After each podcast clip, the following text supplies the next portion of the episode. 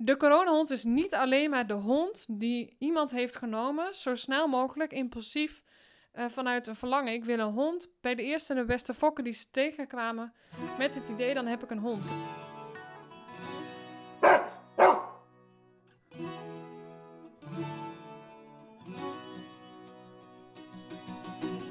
De coronahond. Het is een, een begrip geworden. Het is een synoniem geworden.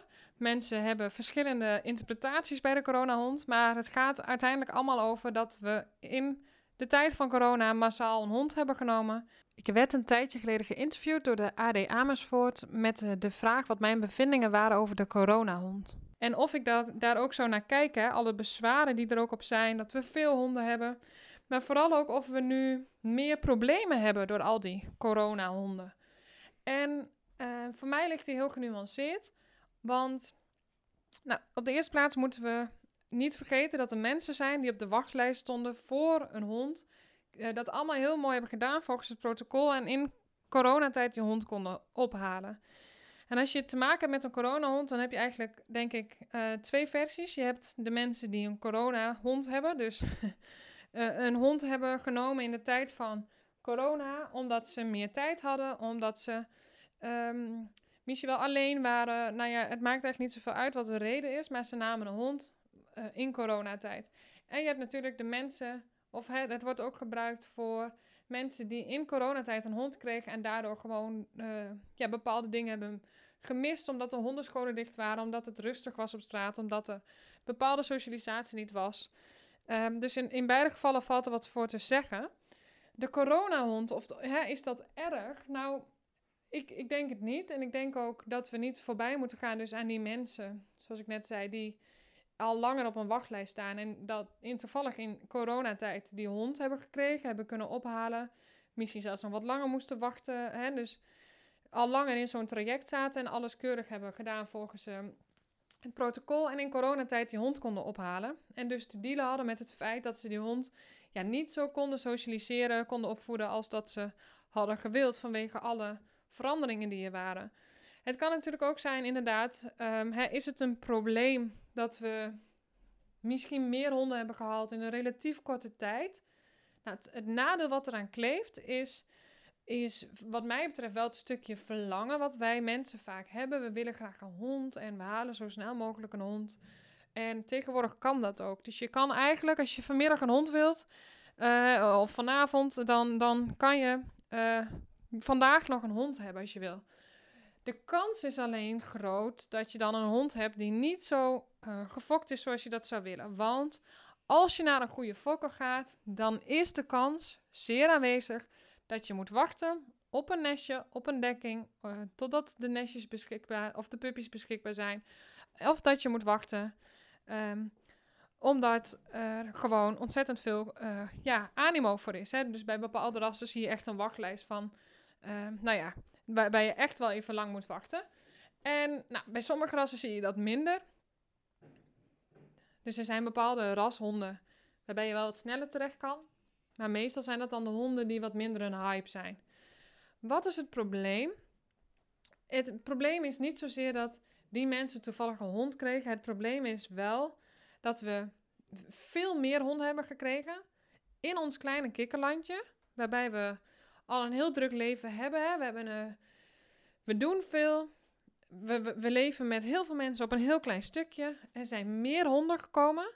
Er zijn meer honden gekomen die niet goed gefokt zijn. Want ja, er zijn ontzettend veel honden bijgekomen die bij een broodfokker vandaan komen, die bij een niet goede fokker vandaan komen.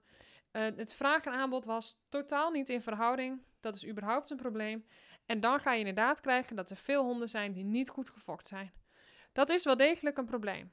Um, er zit dus wel een, een, probleem is de snelheid waarmee we een hond willen. Uh, dat zie ik best wel vaker. We willen een hond, we halen een hond. En uh, ja, vervolgens zitten we kunnen we zitten met de gevolgen van zo'n hond.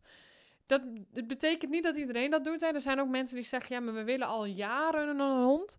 Um, en alleen, weet je, we hadden die mogelijkheid niet. En toen stond corona op de stoep, waarbij niemand wist welke kant het op ging. En toen gaf ons dat eigenlijk de mogelijkheid om wel de hond te nemen, want we werkten thuis, we, we waren veel samen. we, we konden minder doen, we moesten dingen anders doen. En dat maakte dat we eindelijk konden zeggen: ja, ik wil die hond. En er zijn nog steeds mensen die anders werken sinds er corona is geweest. Ehm, sinds alle eh, aanpassingen die we moesten doen. En ja, dat heeft uh, wel gemaakt dat ze ook dat verlangen konden, hè, verder konden uitwerken. Omdat ze bijvoorbeeld nog steeds wat meer werken, omdat ze uh, goede oplossingen hebben kunnen vinden. Dus de coronahond klinkt vaak heel negatief. Hè? Dat mensen, ik, merk het ook als ik in gesprek ben en ik vertel aan mensen wat ik doe. Eigenlijk is een van de eerste dingen die naar voren komt, ja, de coronahond. En dan toch wel een beetje een negatieve lading van, uh, hè, oh, wat slecht dat mensen toen een hond namen of zo. Of, oh, nou, de coronahond zal wel iets slechts zijn. Of alleen, de coronahond is niet alleen maar de hond die iemand heeft genomen, zo snel mogelijk, impulsief uh, vanuit een verlangen. Ik wil een hond. Bij de eerste en de beste fokken die ze tegenkwamen. Met het idee, dan heb ik een hond. Want ja, die mensen zijn er ook. Die mensen doen dat niet eens altijd vanuit. Of nou ja, niet, die doen het niet vanuit een slechte intentie. We, doen het, uh, we kunnen het wel doen vanuit een, een. Ik wil een hond. Ik neem een hond. Hè, vanuit ons verlangen. Zonder te weten waar het over gaat. Wat, wat, er, wat het inhoudt. Wat, wat, wat, hè, wat het inhoudt alleen al om. Hè, waar moet je op letten als je een hond hebt? of, of vandaan haalt, waarbij je die vandaan haalt. Maar ik denk dat er ook veel mensen zijn die dus inderdaad op die wachtlijst stonden. Er zijn ook veel mensen die zeggen, ja jongens, ik heb al, ben al jaren op zoek naar een hond. Wat is het grootste probleem wat mij betreft van de coronahond? En beter gezegd dus eigenlijk van de tijd uh, corona, de coronatijd waarin we honden zijn genomen. Dat is dat we meer honden hebben genomen. Er zijn ontzettend veel honden bijgekomen in een zeer korte tijd. Maar wat er niet is vermeerderd, dat is onze kennis over het hebben en houden van een hond. En dat zeg ik niet vanuit, de, uh, vanuit een belerende modus of vanuit ik ben de hondengedragstherapeut en ik weet het. Ik zeg het meer vanuit het stukje uh, ik ben Aniek, ik heb een hond genomen destijds. En uh, als ik wist wat ik nu weet en als had maar de helft zijn geweest, dan had me dat zoveel problemen gescheeld. Veel van de problemen die we hebben, die zijn er omdat we de kennis niet hebben. Omdat we eigenlijk niet weten waar het over gaat. En daar krijgen we pas mee te dealen op het moment dat we een hulpvraag hebben. Dus dat is achteraf. Logisch zou je zeggen. Ik bedoel, we leren heel vaak achteraf. We maken heel vaak uh, bepaalde keuzes en dingen. En dan komen we erachter van: Goh, nou, ik weet niet of dit nou de beste uitwerking is geweest. Maar dat is wel een probleem als we het hebben over honden en de hulpvragen die er liggen. En vervolgens ook de maakbaarheid die daar overheen komt. Dus een probleem is dat we meer honden hebben, maar we hebben niet meer kennis. Het is niet zo dat ik zie dat ook de kennis verdubbeld is. Dat mensen nu echt begrijpen wat er gecommuniceerd wordt, waar problemen vandaan komen, waarom een hond zo doet wat hij doet. Um, dat we, hè, we gaan nog steeds massaal naar een hondenschool. Met het idee dat we daar dan allemaal leren. En begrijp me niet verkeerd, er zijn veel goede hondenscholen. Er zijn ook veel niet goede hondenscholen. Maar we leren wel ook vooral veel vaardigheden. Ehm, waarbij we niet leren wat er op intern niveau gebeurt. En dus niet leren hoe we daarmee kunnen voorkomen dat er bepaalde problemen ontstaan. We leren te weinig over wat communiceert de hond, zodat jij kan weten, uh, hey, hij voelt zich fijn of niet fijn in een situatie, zodat je kan zien of hij wel of niet opbouwt in spanning, zodat je kan zien wat je wel en niet zou moeten doen om te voorkomen dat het gaat escaleren. Of op dat moment, of op een later termijn. Want in mijn geval, ik heb bijvoorbeeld heel veel jonge honden in het traject. Die zijn dan een jaar of anderhalf, twee.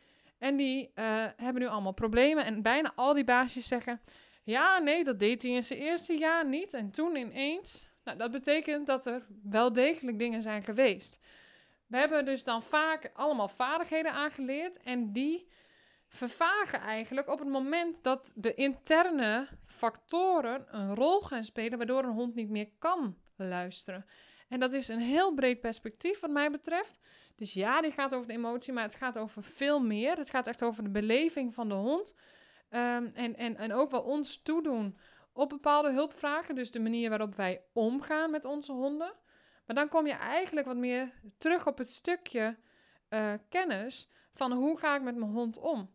Als er vervolgens meer honden zijn in Nederland met dezelfde hoeveelheid kennis, dan is het niet zo gek dat het meer escaleert, dat er meer hulpvragen zijn, dat meer honden sneller overprikkeld zijn, dat uh, meer honden moeite hebben om misschien te functioneren of op sommige momenten te functioneren in onze maatschappij. Daarnaast is denk ik wel uh, ook gebleken dat we na de coronatijd met z'n allen juist massaal weer dingen zijn gaan doen. Hè? Dat de, zijn ook wel verschillende onderzoeken naar geweest. Dat er, waaruit blijkt dat we juist meer, eh, in sommige gevallen meer naar buiten zijn gericht. Niet op alle vlakken, maar ook zeker wel na. Je zag het wel als de lockdowns opgeheven werden. Of toen er echt helemaal weer wat vrijheid kwam en zo. Dat we ehm, juist meer gingen opzoeken. Waardoor we ook weer um, misschien wel in nog meer snelheid en drukte en de waan van de dag zijn gaan leven. Dus de nadelen daarvan zijn wel dat onze honden daar toch ook mee moeten dealen. Dus wat is het nadeel of een nadeel van de coronahond? Ja, dat is ook dat ze een bepaalde fase hebben gemist. Het kan zijn dat je minder hebt kunnen socialiseren. Tegelijkertijd denk ik ook dat er juist eigenlijk iets heel moois en, en krachtigs in dat moment zat. Want ik zei altijd van ja, ik zie de, de, de, de, de coronatijd niet als belemmering voor je socialisatie. Want uh, het heeft een beetje te maken met de opvatting die we hebben over socialiseren. Wij denken dat socialiseren, hè, we denken vaak dat socialiseren betekent je hond als een, een, een beetje onbeholpen overlaten aan alle prikkels die er zijn. Loslaten, in, in, in blootstelling brengen met alle prikkels die er zijn. En voor mij is dat geen socialisatie. De kans dat daar traumatiseren een rol gaat spelen is zeer aanwezig. En traumatiseren klinkt een beetje zwaar. Maar het feit dat elf, de, de kans dat jouw hond daar gaat segmenteren tussen ik vind dit positief of negatief, kan heel snel negatief uitpakken. Want socialiseren gaat wat mij betreft juist over dat je weet wat jouw hond communiceert, hoe die zich voelt in een bepaalde situatie. En dus ook of jouw socialisatie wel of niet gelukt is. Ehm, wat het mooie was aan de coronatijd, was eigenlijk dat je heel erg goed jouw hond kon leren bepaalde prikkels juist te negeren. De prikkels waarvan ik dus later met de jonge honden een traject voor afsluit, omdat ze naar iedereen toe willen. Omdat ze geen prikkels kunnen negeren. Omdat ze uh, helemaal wild zijn, omdat iedereen ze wilde aaien in de puberteit. En ze nu eigenlijk zeggen, ja maar jongens, ik vond daar wat van. Ik vond dat ingewikkeld. Want ik gaf toen al die signalen en nu sta ik op het punt dat ik het echt ingewikkeld vind. Um, dus de coronatijd gaf ook mogelijkheden. Dat jij je hond kon trainen om niet overal op af te gaan. Dat je je hond kon trainen om te leren omgaan met prikkels zonder er iets mee te, moest, te moeten doen. En dat zijn eigenlijk hele belangrijke voorwaarden in de opvoeding van je hond. Omdat we uiteindelijk toch ook gewoon bijna allemaal graag met onze hond gewoon kunnen lopen zonder dat hij op Jan en allemaal reageert. Dat hij gewoon mee kan komen, dat hij niet obsessed is bij welke prikkel dan ook, maar dat hij ook weer bij jou kan komen. Dus ja, de coronatijd had niet er daarin alleen maar nadelen voor de hond die in ons leven kwam. Nee, de hond had, het had ook voordelen. We hadden het juist we hadden het kunnen omdraaien. We hadden er juist gebruik van kunnen maken. En nee, in sommige gevallen niet. Je had niet op dat schoolplein kunnen staan om, om, om, te, om te oefenen. En tegelijkertijd is de vraag: is dat de vorm van socialisatie die nodig is om een pup goed voor te bereiden op onze op de dagelijkse gang van zaken. Uh, dat, dat, had juist ook prima op afstand gekund en er had een opbouwing kunnen zijn. Dus het is niet zo dat de prikkels er niet waren. Het grootste probleem van de coronahond is, wat mij betreft, niet dat er meer honden zijn gekomen, want dat was de strekking uh, van, de, van de vraag in het, in het AD. is het een probleem dat er zoveel honden zijn? Ik vind het probleem niet per se dat er zoveel honden zijn. Ik vind het probleem wat er ligt is dat er meer honden bij zijn gekomen zonder dat onze kennis vermeerderd is. En het probleem is dat veel honden toch ook bij een niet goede fokker vandaan komen. Een, een slechte fokker of gewoon zelfs broodfok. Dus dat is natuurlijk wel degelijk een probleem. Want dan ga je ergens een plafond tegenkomen. Uh, het kan zijn dat we meer zieke honden hebben. Niet goede gefokte honden kunnen sneller in de stress schieten, hebben een minder goede basis meegekregen. Als daar dan bovenop komt dat er buiten wellicht minder mogelijkheden waren, zoals we dan vaak denken, ja, dan hè, kan dat. dan kan dat dubbel zijn. Dan kan het zijn dat we meer honden hebben die sneller in de stress schieten, moeite hebben met het leven in onze drukke maatschappij, die moeite hebben met de hoeveelheid prikkels die er zijn, de waan van de dag, de chaos. Uh, en, en dit klinkt allemaal een beetje zwaar, maar indirect is dat toch uh, ook vaak wel het geval. Maar de coronahond heeft ook mogelijkheden gegeven aan de mensen die al jaren een hond wilden. En nu eindelijk dag in dag uit een fijn leven hebben met de hond. Het heeft ook uh, de mogelijkheid kunnen geven om rustig op te starten. En het heeft ook de mogelijkheid kunnen geven om je leven nu zodanig in te richten met de hond. Omdat je bijvoorbeeld wat vaker thuis werkt. Omdat je uh, mensen. Uh, ik, ik, hoor wel ook wel eens dat mensen meer begrip hebben. Of mensen vinden het gemakkelijker dat we tussendoor even naar huis gaan voor de hond. Mensen vinden het gemakkelijker dat we thuis een, een, een, halve dag werken. Of, of omdat we eigenlijk in een hele snelle tijd natuurlijk uh, gegroeid zijn in de mogelijkheden om op verschillende plekken te werken, om online te gaan werken. Daar waar we in het begin van de coronatijd daar heel onwennig in waren, zie je nu dat we ja, dat eigenlijk heel normaal is hè, om afspraken online te doen en, en, en nou ja, ga zo maar door. Dus het heeft ook voordelen gegeven, maar de nadelen die eraan kleven zijn voor mij dus samengevat dat er veel meer honden zijn gekomen dat de kennis over het hebben en houden van honden niet vergroot is. En we vervolgens wel bepaalde verwachtingen, bepaalde verwachtingen hebben. En een groot probleem is natuurlijk ook dat vraag en aanbod niet in verhouding is. Dus er zijn ook gewoon ontzettend veel honden bijgekomen die bij je niet goede fokken vandaan komen. Wat mensen op dat moment niet wisten en daar bijvoorbeeld achteraf achter zijn gekomen. En ja, dat is wel een dingetje. Want dan heb je, wat mij betreft, twee factoren die maken dat je uh, wel degelijk een plafond tegen kan komen op het moment dat je aan de slag wilt met de hulpvragen die er liggen. Nou, dat zijn in het kort mijn bevindingen over uh, de coronahond. Niet alleen maar negatief, ik denk dat het prima kan. Uh, ik vind aan zich niet het probleem dat er veel honden zijn. Ik denk dat het probleem is dat als de rest daarin niet mee verschuift, dat het dan een probleem is. Want dan kom je inderdaad in meer confrontaties terecht. Ja, en dat is wel degelijk een probleem.